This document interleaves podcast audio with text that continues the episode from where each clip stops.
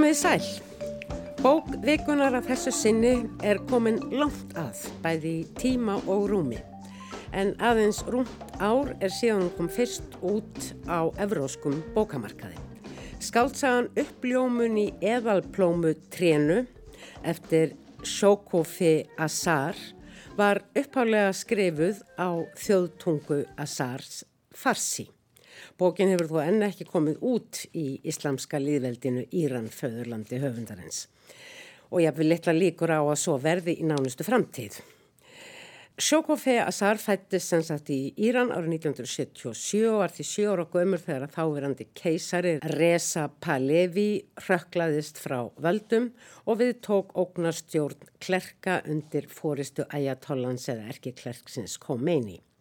Fjölskylda Sjókofi Azar var keisara sinnis, vel megandi og vel mentu þegar áðunend bylting var gerð og árið 2011 sá Sjókofe sér ekki annað fært en að flýja frá Íran og er hún nú búsett í Ástralju. Uppljómun í eðalplómutrénu er Fyrsta skáldsaganar kom út þar í landi árið 2017 þar að segja í Ástralíu í ennskri þýðing og vakti mikla aðtegli. Fekk til að mynda virt kvennabókmyndavelun Stella árið 2018. Tveimur árum síðar kom svo bókin út í Evrópu og í Bandarækjunum og var árið 2020 á úrvalslista tilnemdra verka til alþjóðlegu bókurvelununa Bresku. Hún fekk reyndar ekki velunin en hún var þitt yfir á íslensku af Elisabjörgu Þorstinsdóttur þetta sama ár og gefin út í reytröðinni bækur í áskrift hjá bókafólaginu Angústúrum. Þá má geta þess að í íslensku útgáfinni er eftirmáli eftir Maríunu Klöru Lútersdóttur bókmyndafræðing með meiru og aftandi hann er svo allangur og afar upplýsandi listi með orðskýringum þýðandans. Sögusvið skáldsögunar er Íran á tímum íslumsku byltingarinnar eins og ljóst má vera og hverfist um líf mentaðrar, velstæðrar og afar menningarlegar fjölskyldu í teran, vantarlega sveiparar fjölskyldu og höfundarins. En þessi fjölskylda í sögunni, hún hefur nú flúið undan byltingaröflunum og reysir veglegt hús á hæð réttu utan við agnalítið og afskekt Þorp Razan í Masadaran hér að því norður hluta Íran. Sagan hefst á uppljómun móðurinnar Rósu sem er dagsett 18. ágúst árið 1988. Nákvæmlega á sama andartaki og sonur hennar Sjórab er eins og reyndar fjölmarkir aðrir fyrir og eftir en á þessum tíma hengdur án, dóms og laga af byltingastjórninni. Sagan fer síðan fram og aftur í tíma og rúmi, raunveruleikans og æfintýralegs heims, flökku drauga, skóardísa og fornra fylgismanna Sara Þústra svo eitthvað sem nefnda þeim ótal þjóðsagnakendu personu sem koma við sögu. Á síðan bókarna reykur hver sagan aðra af hryllingsverkum nýju valdhafana og lífi fjölskyldunar fyrr og nú í bland við þjóðsagnakendar sögur um fólk, kíkvendi, lífs og leiðin frá ymsum tímum í sögu Írans og jafnvel heimsins alls. Það er 13 ára gömul dóttir tónlistar og bókmentamannsins Húsang, föðurins í fjölskyldunni og eiginkonu hans Rósu, sem segir söguna. Svo heitir Bahar og fljótlega kemur í ljósa hún er ekki á sama tilvista sviði og sískina hennar, bróðurinn Sjórab og sýstirinn Beta. Bahar getur með öðrum orðum ferðast víðar bæði tíma og rúm en fólk almennt sem býður upp á ótrúlegustu vendingar í sögunni. Sjálf lýsir hún tilvist sinni þannig að hún geti vitað hluti þegar hún vill vitað á og að þegar hann er langið til að vera einhver staðar þá sé hún þar ósköp einfallega. Til að ræða þessa mörguleiti heitlandi skáldsögu sem er svo full af sögum og sögu, það er mannkinsögu, eru hinga komin þau Kristján Hrafn Guimundsson og Rebecca Sif Stefánsdóttir. Þau sendu bæði frá sér bækur á síðasta ári, Kristján Hrafn Smásagnasafn og Rebecca Sif Ljóðabók. Kristján Hrafn er Líka mentaður bókmentafræðingur hefur starfað sem bladamadur og Rebecca er nú um stundir kennari í Reitlistuð Háskóla Íslands auk þess að vera söngkennari. Velkomin bæði tvö. Ég vona að ég hafi svona nokkur veginn farið rétt með fyrirlikar í samhengi verkefnisins sem framundan er. Já, ég er enda líka bókmyndafræðingur. Já, þú ert því. líka bókmyndafræðingur. Já. Og ekki nú með það, þú ert líka einn af uh, umsjónarmönnum vefsíðurnar Lestrarklefin. En þar rakst ég einmitt á nafnið þitt í þessu samhengi því þú skrifaðir uh, svo litið um þessa skálsögu uppljómunni eða plómutrínu og varst augljóslega mjög hrifin og ég hugsaði, já, best að fá hana til þess að ræða þessa bók. Mér langar til að spyrja þig, hvernig kom bókin til því þegar þú fóst að bladi í einu öðru sinni? Eða last hana jáfnvel frá upphaf til enda, þetta er nú stór bók. Já, einmitt, ég las hana alltaf alla 9. januar og var svo rosalega hrifin að hversu töfraraunsægisleg þessi bók er. Því ég hef alltaf verið hrifin að sögur amerískum bókmyndum og svona og komur óvart einmitt þessi bók væri frá Íran en hérna, já, ég algjörlega kvarf inn í hana og skrifaði mitt stutta umfjöldum þar sem ég rauninni bara talaði um uh, að benda fólki á hana. Hún er rauninni alltaf stór til að ég gæti fara hérna í sjálfbóðavinnu að reykja hana alla en hérna, ég las hana svo aftur núna fyrir þennan þátt og þá fór ég að taka eftir svo miklu meiru. Mér finnst hún gefa svo margar vísbendingar um það sem er að fara að gerast mm. sem að ég alveg skautaði framhjá í fyrsta lestri Já. að því að það var margt svo yfirnáttúrulegt að maður var ekki alveg meðtaka allt einu sinni Kristján Rapp, uh, bókin var til á þínu heimili þegar ég hafði samband við þig en þú varst ekki fann að lesa hana Já. og uh, þetta er þekk bók, rúmlega 300 mjög þjætt skrifaða síður þú hefur náða að lesa hana? Já, ég, ég náði að lesa hana einu sinni og eins og ég var að segja við Rebekku hérna aðurum við fórum í loftið, þá var ég að reyna eitthvað svona skauta í gegn og, og, lesa eitthvað sem ég hafi krótað að spásjur hérna bara í morgun á það en, en hérna, þetta er ymmit, hún er 300 blaðsjur rúmlega ekki, ekki stóru broti, en það er samt ymmit eins og þú segir, veist, það er sko Það er stundum engin greinaskil á blaðsíðunum. Nei, nei, nei, og mikið um að vera, margar personur Rosalega margar Baksögur persona Við ættum kannski áður en lengri er haldið að leifa bókinni sjálfri aðeins að tala og heyra hérna stutt textabrót sem þýðandin Elisabjörg Þorstensdóttir las í Víðsjá í vekunni.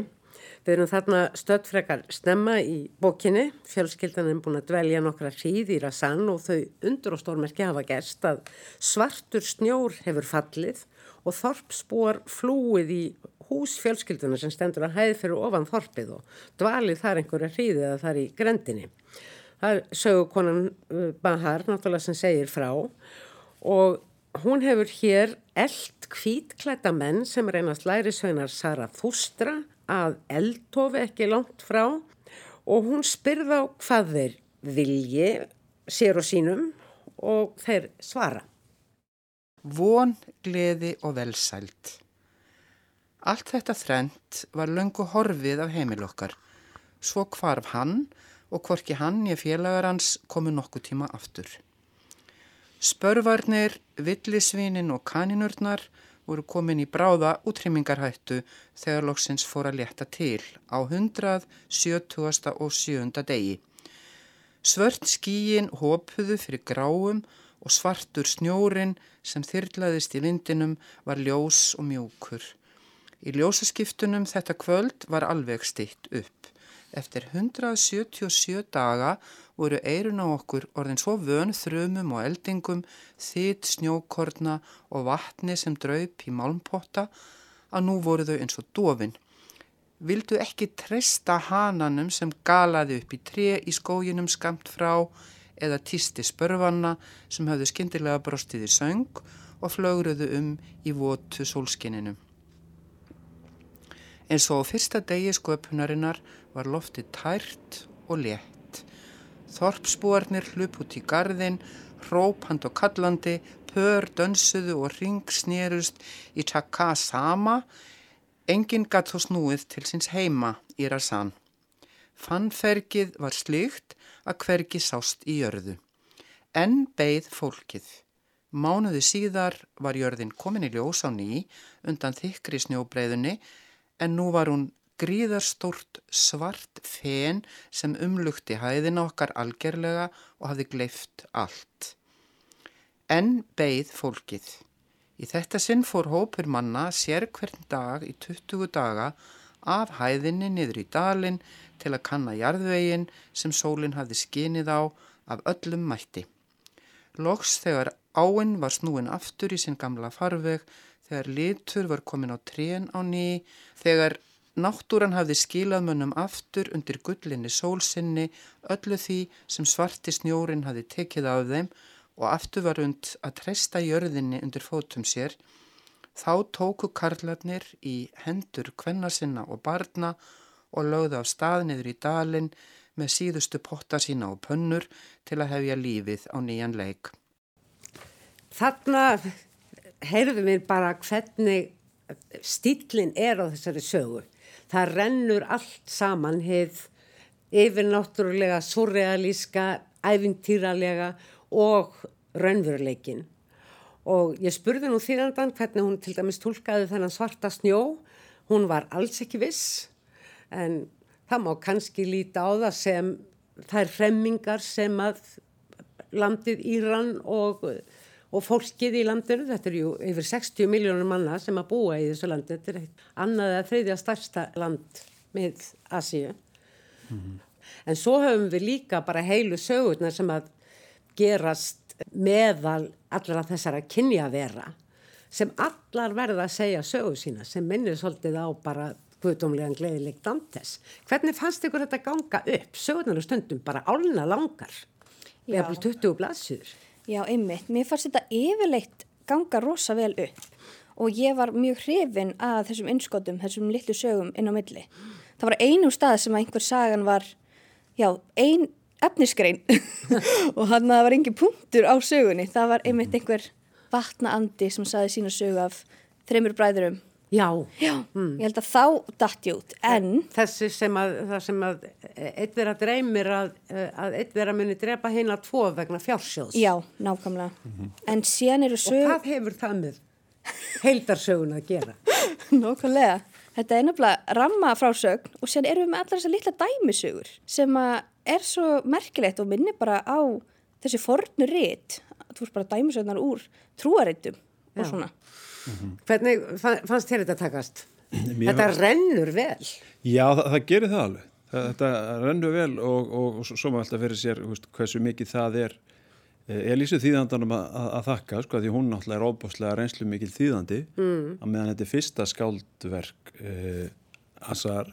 Og við vitum í rauninni ekki hver gerði þýðinguna eh, sem liggur til grundvalla þýðinguna yfir á ennsku og eh, ég las nú eh, nokkara svona bókmentarínir í ellendum blöðum og, og það er aðeins misjamt hvort að þessum naflausa þýðanda er uh, hrósað mm -hmm. skilirslaust eða hvort að það er svona aðeins nýtt í hann að sögurna verði stundum endurtekninga samar og þetta og hitt og hvort að það geti verið þýðingun að kenna. Mm -hmm. Já, það er merkilegt að hugsa til þess að það er verk eða sama bók er aðna úti á upprannlega tungumálunum sem að við kannski erum ekki að lesa af því að kannski erum búin að breytast eitthvað emitt. Já, í, þý, í, í þá tveimur þýðingum já, já, frá þessu upprannlega máli. Já og það sem meira er að ég gæti ekki betur séð á alnitinu en að þetta væri bara fyrsta þýðingin sem allavega kemur út á tungumáli sem er ekki annarkort farsi eða enska.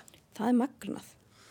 Gæti að veri hræðsla því þetta er svo mikil ádela náttúrulega á hérna, allt sem hefur gerst þarna í Íran. Já, það hefur verið leitt líkum að því og það hefur reyndar beinleginis verið sagt að mm -hmm. þýðandin yfir á ennsku uh, hann vilja ekki láta nafnsins getið af óta við yfirvöld í Íran því að hann ferðist þanga reglulega.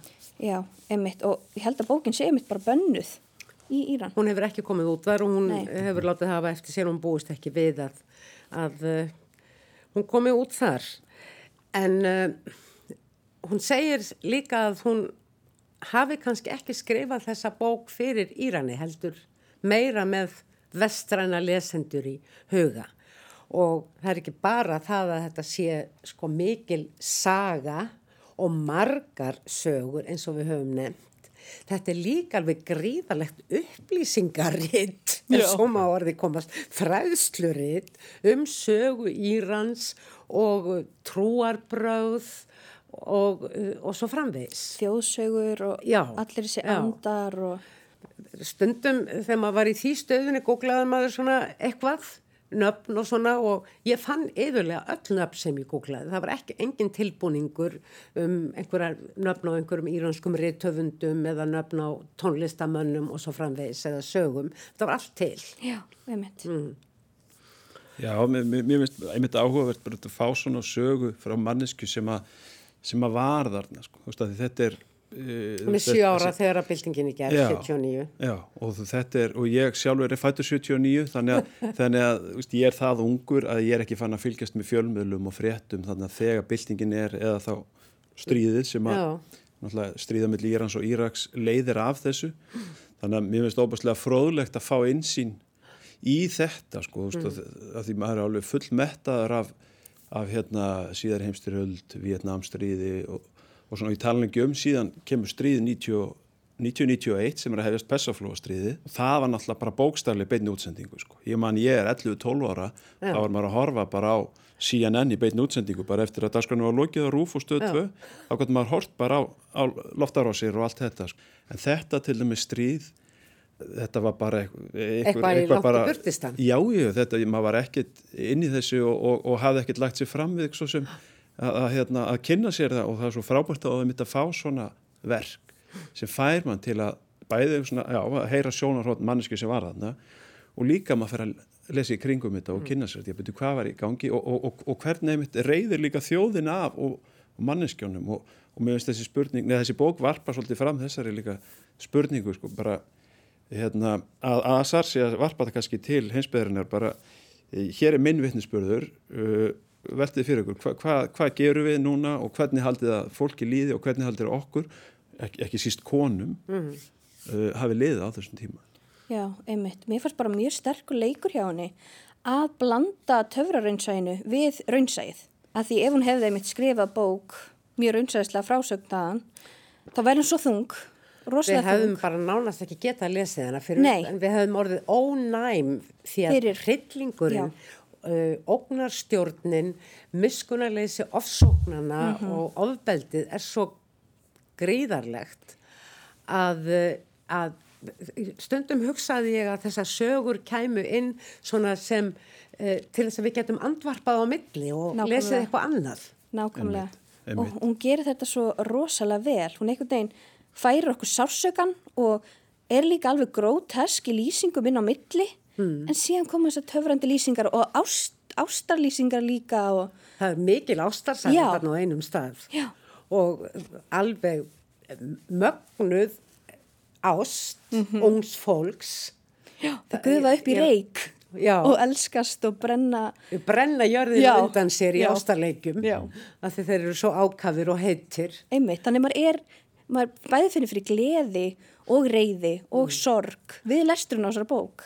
Og þetta séu nefnið, Jórun, emitt með hérna, við þurfum sem lesendur að fá bara hlje og fá eitthvað annað, mm. annað einsko og það er svona veltillumins fyrir mér með, með sko sýsturina, Betu, uh, sem bara fer og verður hafð með, hún bara stingur sér á kaf í hafi. Í öldurnar, í Kaspíahafið. Já, Já að, að því börnin eru dáin, sögukonin er dáin og drepa bróðurinn líka. Uh, og svo, svo fer mamman og það er eitthvað sem kannski komið betur það eftir en, mm. en, en, en einmitt, sko, afhverjætti þessi sýstir, afhverjætti hún að sleppa við einhver voðaverk? Og kannski, velt, ég veldi fyrir mér hvort að höfundurinn hafi kannski hugsað, ég get nú ekki látið hana líka degja og upplifa hörmungar þannig að eins og hún kannski forðenni inn í einhvern svona ævintýra heim breytast í hafmi og svo framvegis En hún en, lendur nú í æfintýrum í raunveruleikanum áður já, áður. þegar hún já. leggur að stað til, til Teheran og allar sér að og byrjar að skrifa alfræðu orðabók þjóðsagna já, en ekki hvað. Já, mér finnst sársöki betu mjög mikill. Hún er alltaf búin að missa sískinu sín og síðan í síðasta kapla bókarinnar er náttúrulega bara ógeðslegast í kapli bókarinnar. Vist, og, og mér finnst það einmitt svolítið tákgrænt sko, jafnvel þótt að ung kona sé orðin hafmega Já, þá samt sleppur hún ekki við, við nöðguna nöðguna tilrönd mm. þeir koma þarna og reyna að finna kynfæri á hafmeðinni en, en tekst ekki, ekki Já, og þetta er svo ógeðsleg og ógeðslegt. Og enda með svo bara aflífana og það kannski líka þá takrend að skjóta hann í brjóstið sko. Já og líka að enda bókina þessum hátt mista að segja svo mikið um vonleysi kannski mm. þá vonleysi höfundarins bara er þetta loka nikkurinn á þessu magnaða verki þetta, þessi ógeðslega eimd og hvað mennirnir eru ógeðslegir og hvernig konurnar þeirra samþykja það, það sem er gera. Að þarna er hópar af mönnum mm. að nöðgani og að beitana ofbeldi og síðan fara þeir svo bara heim til kona, konar sinna. Konurnar tölu um harmleikin en síðan bara fóru þeir aftur að eldavilni og þurfti náttúrulega elda fyrir mennina sína og, mm. og þeir voru glæð þreytir eftir daginn og síðan mynduði drekka heitt þeir saman og fara í rúmið. Og þannig enda bókin. Já, það er enda alveg rétt. En það er samt sem áður og er mikið talað um Þú talar um törvarins að ég held að hafa nefnt Gabriel García Márquez en það eru fleiri höfundar nefndir, nefndir í þessu samingi Italo Calvino og, og Salman Rushdie og, og fleiri mm -hmm. En margi gaggrinendur vilja halda því fram sko hún hefur algjörlega fundið upp sitt eigið töfraraunsægi mm -hmm. það er engin romantík í þessu töfraraunsægi og uh, það er hérna mikil, uh, mikil, mikil hrigð, mikil sorg Já.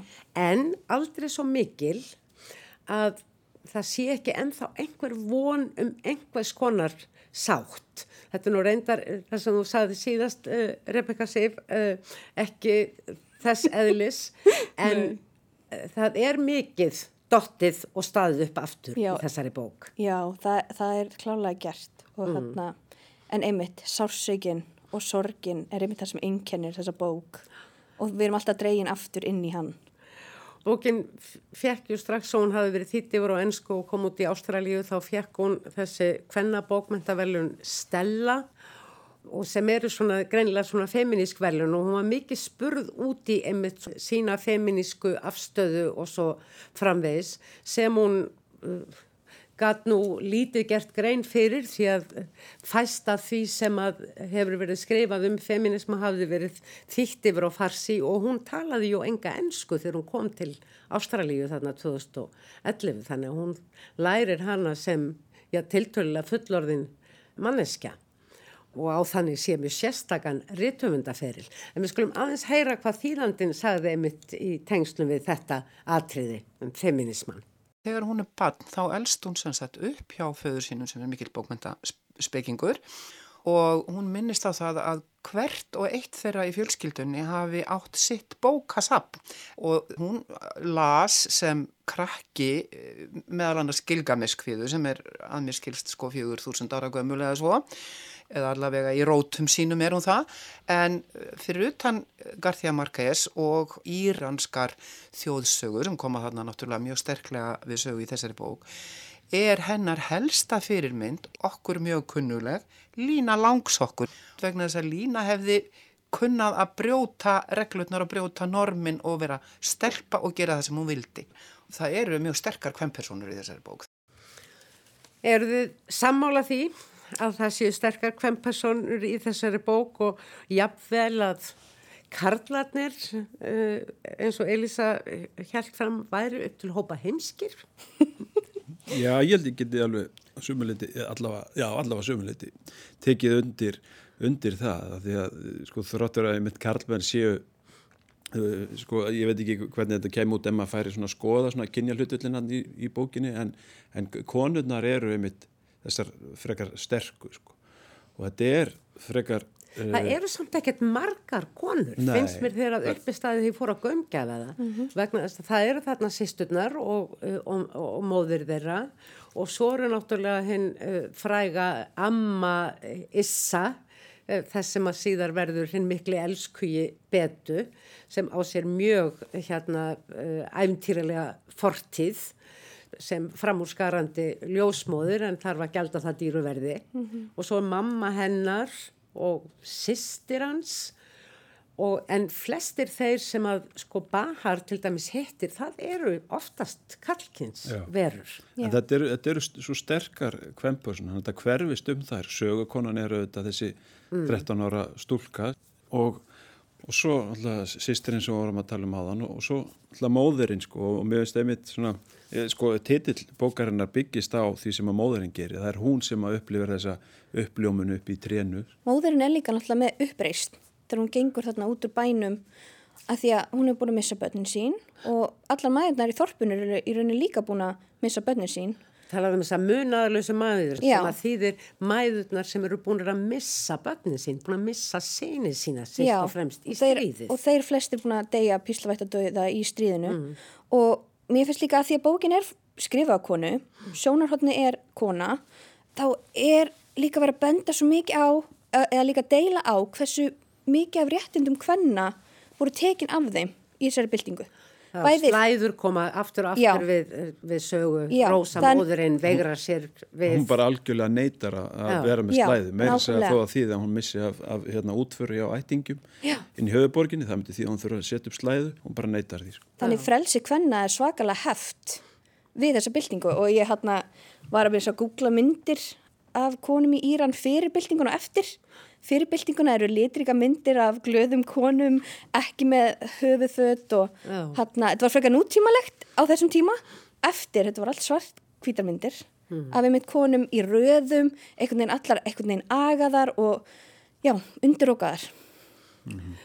Elisa myndist þarna á að, uh, að hún og vísaði þá til höfundarinn sem sagt væri alveg upp á heimili þar sem hver heimilismæður hefði átt sitt bókasafn og þetta minnir nú óneitanlega á þessa fjölskyldu sem við lesum um í bókinni.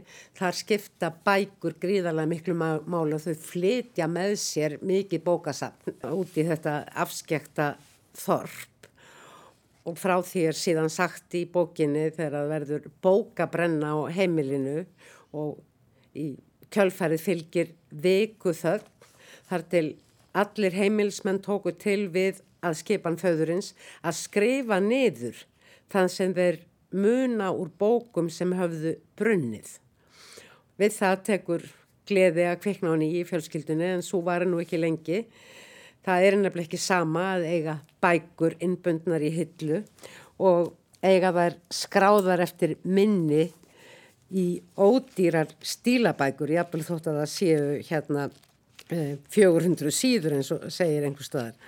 Og eh, það segir í bókinu þarna í, í þessu uh, samhengi Með hverju orðinu sem við festum á blað skildum við betur að þvert á það sem pappi trúði hópa menning, þekking og listir anspænis ofbeldi, sverði og eldi og eru síðan árum saman ófrjóar og þögglar. Listirnar. Þetta er svo stert Já, og líka þessi bók og hérna saga höfundarins er bara full af ritskoð, ritskoðun. Mm. Bókin er ritskoðu í Íran, hún má ekki að byrta hana, hún þarf að flýja land út af, út af skrifum sínum, þannig er allar bækur brendar og þetta er rauninni bara algjör þöggun sem að þjóðin upplifir og hún sjálf, það er ekkert tjáningafrelsi. En svo er þarna líka mikil listi yfir allt sem að brennur, allar sögupersonur, uh, Shakespeare og ég veit ekki hvað sem að gráta í eldinum. Og allt er talið upp, alveg ótal titlar og maður kannast, jú, kannski helmingin og, og yfirrúmlega kannski, en mjög marga titlar kannast maður ekkert við og vantanlega íranskir að miklu leiti og ég fór að hugsa sko, já, já, er hún að segja okkur uh, hvað hún sé vel lesin. Já, nei, ég myndi freka segja að hún sé að sína fram á hvað var tekið af þeim. Í rauninni allt sem að við höfum fullan rétt á að lesa, við getum farin að bóka samt hérna og tekið hvaða bók sem er. En þetta er allt bara hafið af þeim. Já, og þetta er saga um, um sögur, um bækur, um texta, um þjóðsögur og svona, já, svona og upprifun, endurutun á bókum er auðvitað upprifun eins og það fram þarna, þetta er að reyfi upp bækurnar. Og, og munnmæli, manneskja sem er að segja sögur, munnmæla sögur, úst, hún þarf alltaf eitthvað að vera að reyfi upp og, já, og, og líka bara svona hvað er á, á spásíunni, sko, að því það er hann að sena, það er sena hann mjög seint í bókinu það sem að pappennar er að tala um sko, að þegar hann er að flokka bækur og fer að skoða síðan, hann, hann gleymir sér í margar klukkustundir eh, lokaðurinn í bókaherbygginu án þess að lesa eina síðu en hann blaðaði í bókunum, líktaði af þeim og skoðaði aðtúasendinnar sem höfðu verið skrifaðar á, á spássíunar og svo kemur líka bróður hans og pappi og afi og, og þeir fara síðan að ræða og rökraða bækurnar sem vorum í höndunum deildu, skrifuðu aðtúasendir á spássíunar Uh, þú veist að mér finnst þetta svolítið og það falleg mynd og Já, já, veginn frjósemdarleg í, í bókmyndum og, og menningu. Og líka Það- bara greinlega skýrt markmið hennar. Hún vill deila þessum sögum, hún vill að við skoðum þær, hún vill að við lesum þær, Já. punktum niður, kynnum okkur allt sem hefur gerst þarna. Já, og að því, að því maður venjulega fer ekki að skrifa á spásjur þegar fólk hittst og ræða bækur eins og við hérna við erum ekki að skrifa þær en, en, en ég er svona þetta er kannski hugmynd. já, nei, ég fór að, veist, hugsa til mis bara það sem er á spásjum í, bara í okkar uh, æfisögum og bara sögum þjóðars þú veist, það er alltaf einhver veist, það er alltaf einhverjar hugleðingar einhver, einhver orð sem er kannski eru kannski það versta sem gæti mögulega komið fyrir í sögu þjóðar eða sögu, sögu mannesku og, og við viljum ekki fá þær hugleðingar að þessi orð inn, á, inn í meginmálið. En, en, en þarna gerðist það. Hún er bara í þannig aðstæðum og þannig lífi að það versta sem hún getur hugsað sér bara að drepa fjölskylduðina þjóðin er bara undir stjórn sko brálara manna eða hvernig sem við orðum það á þess að hún hefði nokkuð, nokkuð með, að, með, með að, að gera sko og, og og, og er þetta ekki svolítið líka þess að við erum bara, ég, ég menna ef við horfum bara til Íslands eða, eða vestræðna ríkja núna eh, orð eins og heimsfaraldur eða, eða banvæn veira Já. þetta er eitthvað sem var bara út á spásíunni sem bara eh, Engin skildi, já. Já. All, sko fyrir utan þá sem er nokkur á lífi kannski sem að mun Óraunverulegt eftir og í óra fjallæg. algjörlega en, og erum við ekki einmitt að berjast gegn því núna að þetta haldi áfram að vera hluta af okkar meginmáli, við erum að reyna að íta þessum orðum eins og heimsfaraldri og svona bara aftur út á spásjöuna þetta er náttúrulega eitthvað sem við munum aldrei geta hent endanlega út, úr okkar okkar þjóðarsögum og æfisögum en, en allavega hafa þetta bara á þá á, á þessari spásju sko, og, og þá er einmitt spurningin veist, hvar veist, hvar, að við hefum svona, svona, undir, eh, svona undir niðri höfundur að vera að segja uh, og byggja okkur vestræna kannski lesendur um að hugsa bara veist, hvað, hvað, hvað er í meginmálun hjá Íran í dag? Já, að þetta er land sem hefur alla möguleika hafa þvílíkar auðlindir sko gas og, og hérna ólíu gas ríkasta landsvæði heims. held já, allavega kannski eftir rússum allavega var þetta vinslun á þið, er kannski ekki ég veit ekki langt, ja, langt komnir. Nei. en hefur alla möguleika og, og, og raunni ákveð ríkidæmi og, og svoleiðis. En, en hver er staða kvenna samt 2021 enn í dag? Og alltaf vestrætt heimur já, getur við gert eitthvað meira en við erum að gera? Það ekki Og það sem fannst líka, uh, bursið frá konunum, mér fannst svo sannfærandi þessi kapli þegar að gamli lestrarkennarin sem að hafði verið sendur þarna uh, út í þorpin á keisaratímanum til þess að kenna uh, öllum landsmönnum að lesa. Þannig eitt af því fáa sem við fáum að vita um ástandið á tímum keisarastjórnarinnar í þessari sögu. En þegar hann kemur á einhverjum jeppa af því að öðruvísi kemst hann ekki í þessa væglausur inn í þorpið til þess að, að ná í hermenn fyrir uh, í un- ungumönnunum og við höfum nú minnst á það að, að mæðurna verða munaðalösar og bara hreinlega ganga út. Og það sem hann, hann gerir að hann setur snældu með uh, kúvæti púrs á, uh, í, í tækið. Og það verður slík múksefjun að kveinstafir kúvæt og púrs voru svo áhrifamiklur og hjartnæmir að áður en búið verið að spila snælduna tvísvar hafðu ringlaður og tárvotir táningar sá elsti 16 ára stilt sér upp í röð og byðu þess að Hossein rétti þeim ræma og grænu klæði sem á var skrifað stríð, stríð, allt til sigurs. Og lýsingarnar á þessu hvernig uh, þessir ungu menn, þetta myndi mig einhvern veginn bara á þessa, þá múksefjun sem verður á, á íþróttakappleikum og rocktónleikum og, og maður mann eftir úr, úr hérna bíómyndum um bygglana þegar leiði yfir fjölda stúlkna af ást og innlifun með þessum uh, átrúnaðagóðum sínum. Og allt í einu skildi ég eitthvað sem ég hafði aldrei skilið áður hvaða fýblið þetta sem er að, að hérna láta sannfæra sig um að fara og deyja píslarvætti stöðins og það sé eitthvað eftirsoknavert Já, því líkur heilaþvottur.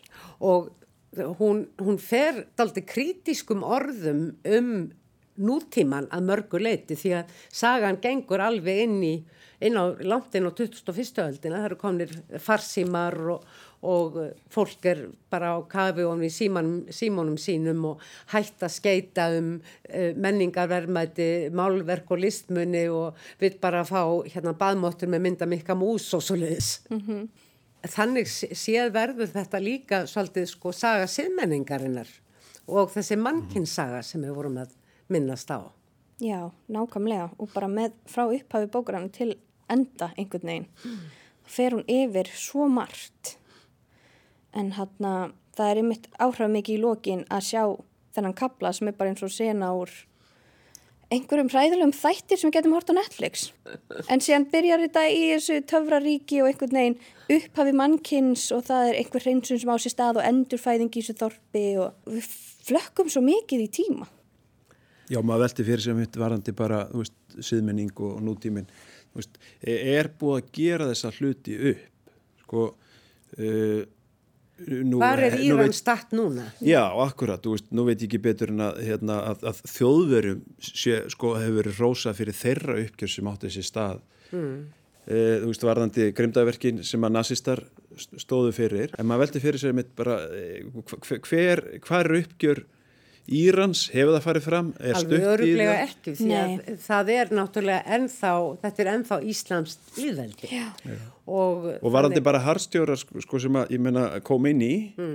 hann er döður, það er náttúrulega algjörlega stórkostlegur stórkabli. Hann dó bara úr, úr hári elli, 89 og hjartastoppi, þannig það var aldrei neitt, neitt uppgjör, Nei, uppgjör það, þar. Þetta uppgjör hefur alveg, og það vantar oft og sama með... Sér stað Já og mér var líka að hugsa til til dæmis bara með minna landi svo Kambodíja sko, að því að á sveipuðun tíma hann undir lok 18. áratugurins mm. þá er Pól Pott og Rauður Kmerarnir þeirra mörka lífið úr sínum eigin þegnum mm.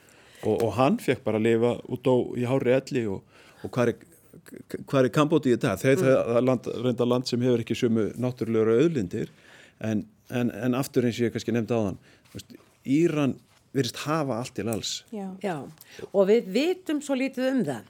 Það, það hefur einhvern veginn lengt algjörlega út á jæðurri alls fréttaflutnings. Eh, ekki bara núna á meðan að, að pláan geysar hjá okkur hér í vestri og víðar. Heldur líka á áratögunum, á, á síðasta áratög bara. Að þá heyrðum við ekki mikið af Íran, það svona hálfpartin svona feitað út. En tímin er um það byl algjörlega að hlaupa frá okkur.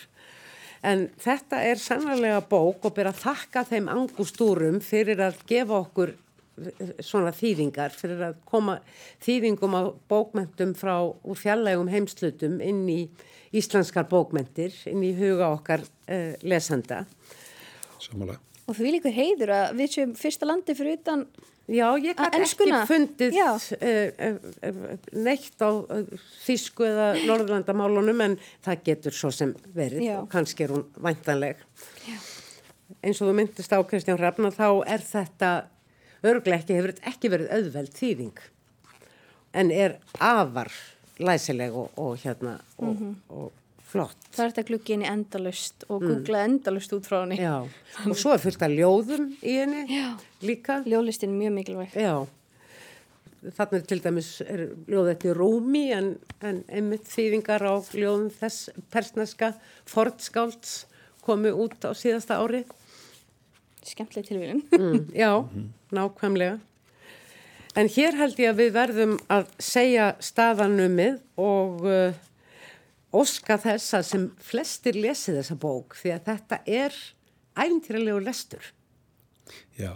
Klárlega. Hann, mm. hann er það og líka, sérst, líka sérstök að því leiti og við erum búin að segja það og ég var enda búin að lesa annars þar áður en, áður en ég hóf lesturinn að sögumæður er látin og sá frásögnarháttur er auðvitað bara spennandi per se, sjá Já. hvernig það virkar við talum ekki um fólk það sjónar hótt draugs Já, Já ég tala ekki um Já.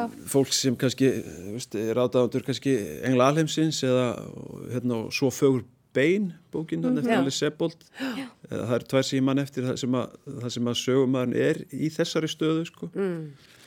en, en, hérna, en, en það að vita það fyrirfram kannski skemmir, skemmir eitthvað Já, það kemur nú tilturlega fljótt í ljós Já, og þetta er getið í nánast hverju umferðin. Já.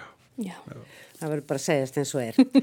En enn og aftur, Rebecca Sif, Stefánsdóttir, Kristján Rapp Gumundsson, þakk ykkur innilega fyrir að koma og reyfa þessa miklu sögu sem að sannarlega verður sent tæmt. Takk fyrir mig. Ykkur hlustendur góðir, þakka ég samfélgina í dag. Við verðum hér aftur með nýjan þátt eftir mánuð, þanga til, verði sæl.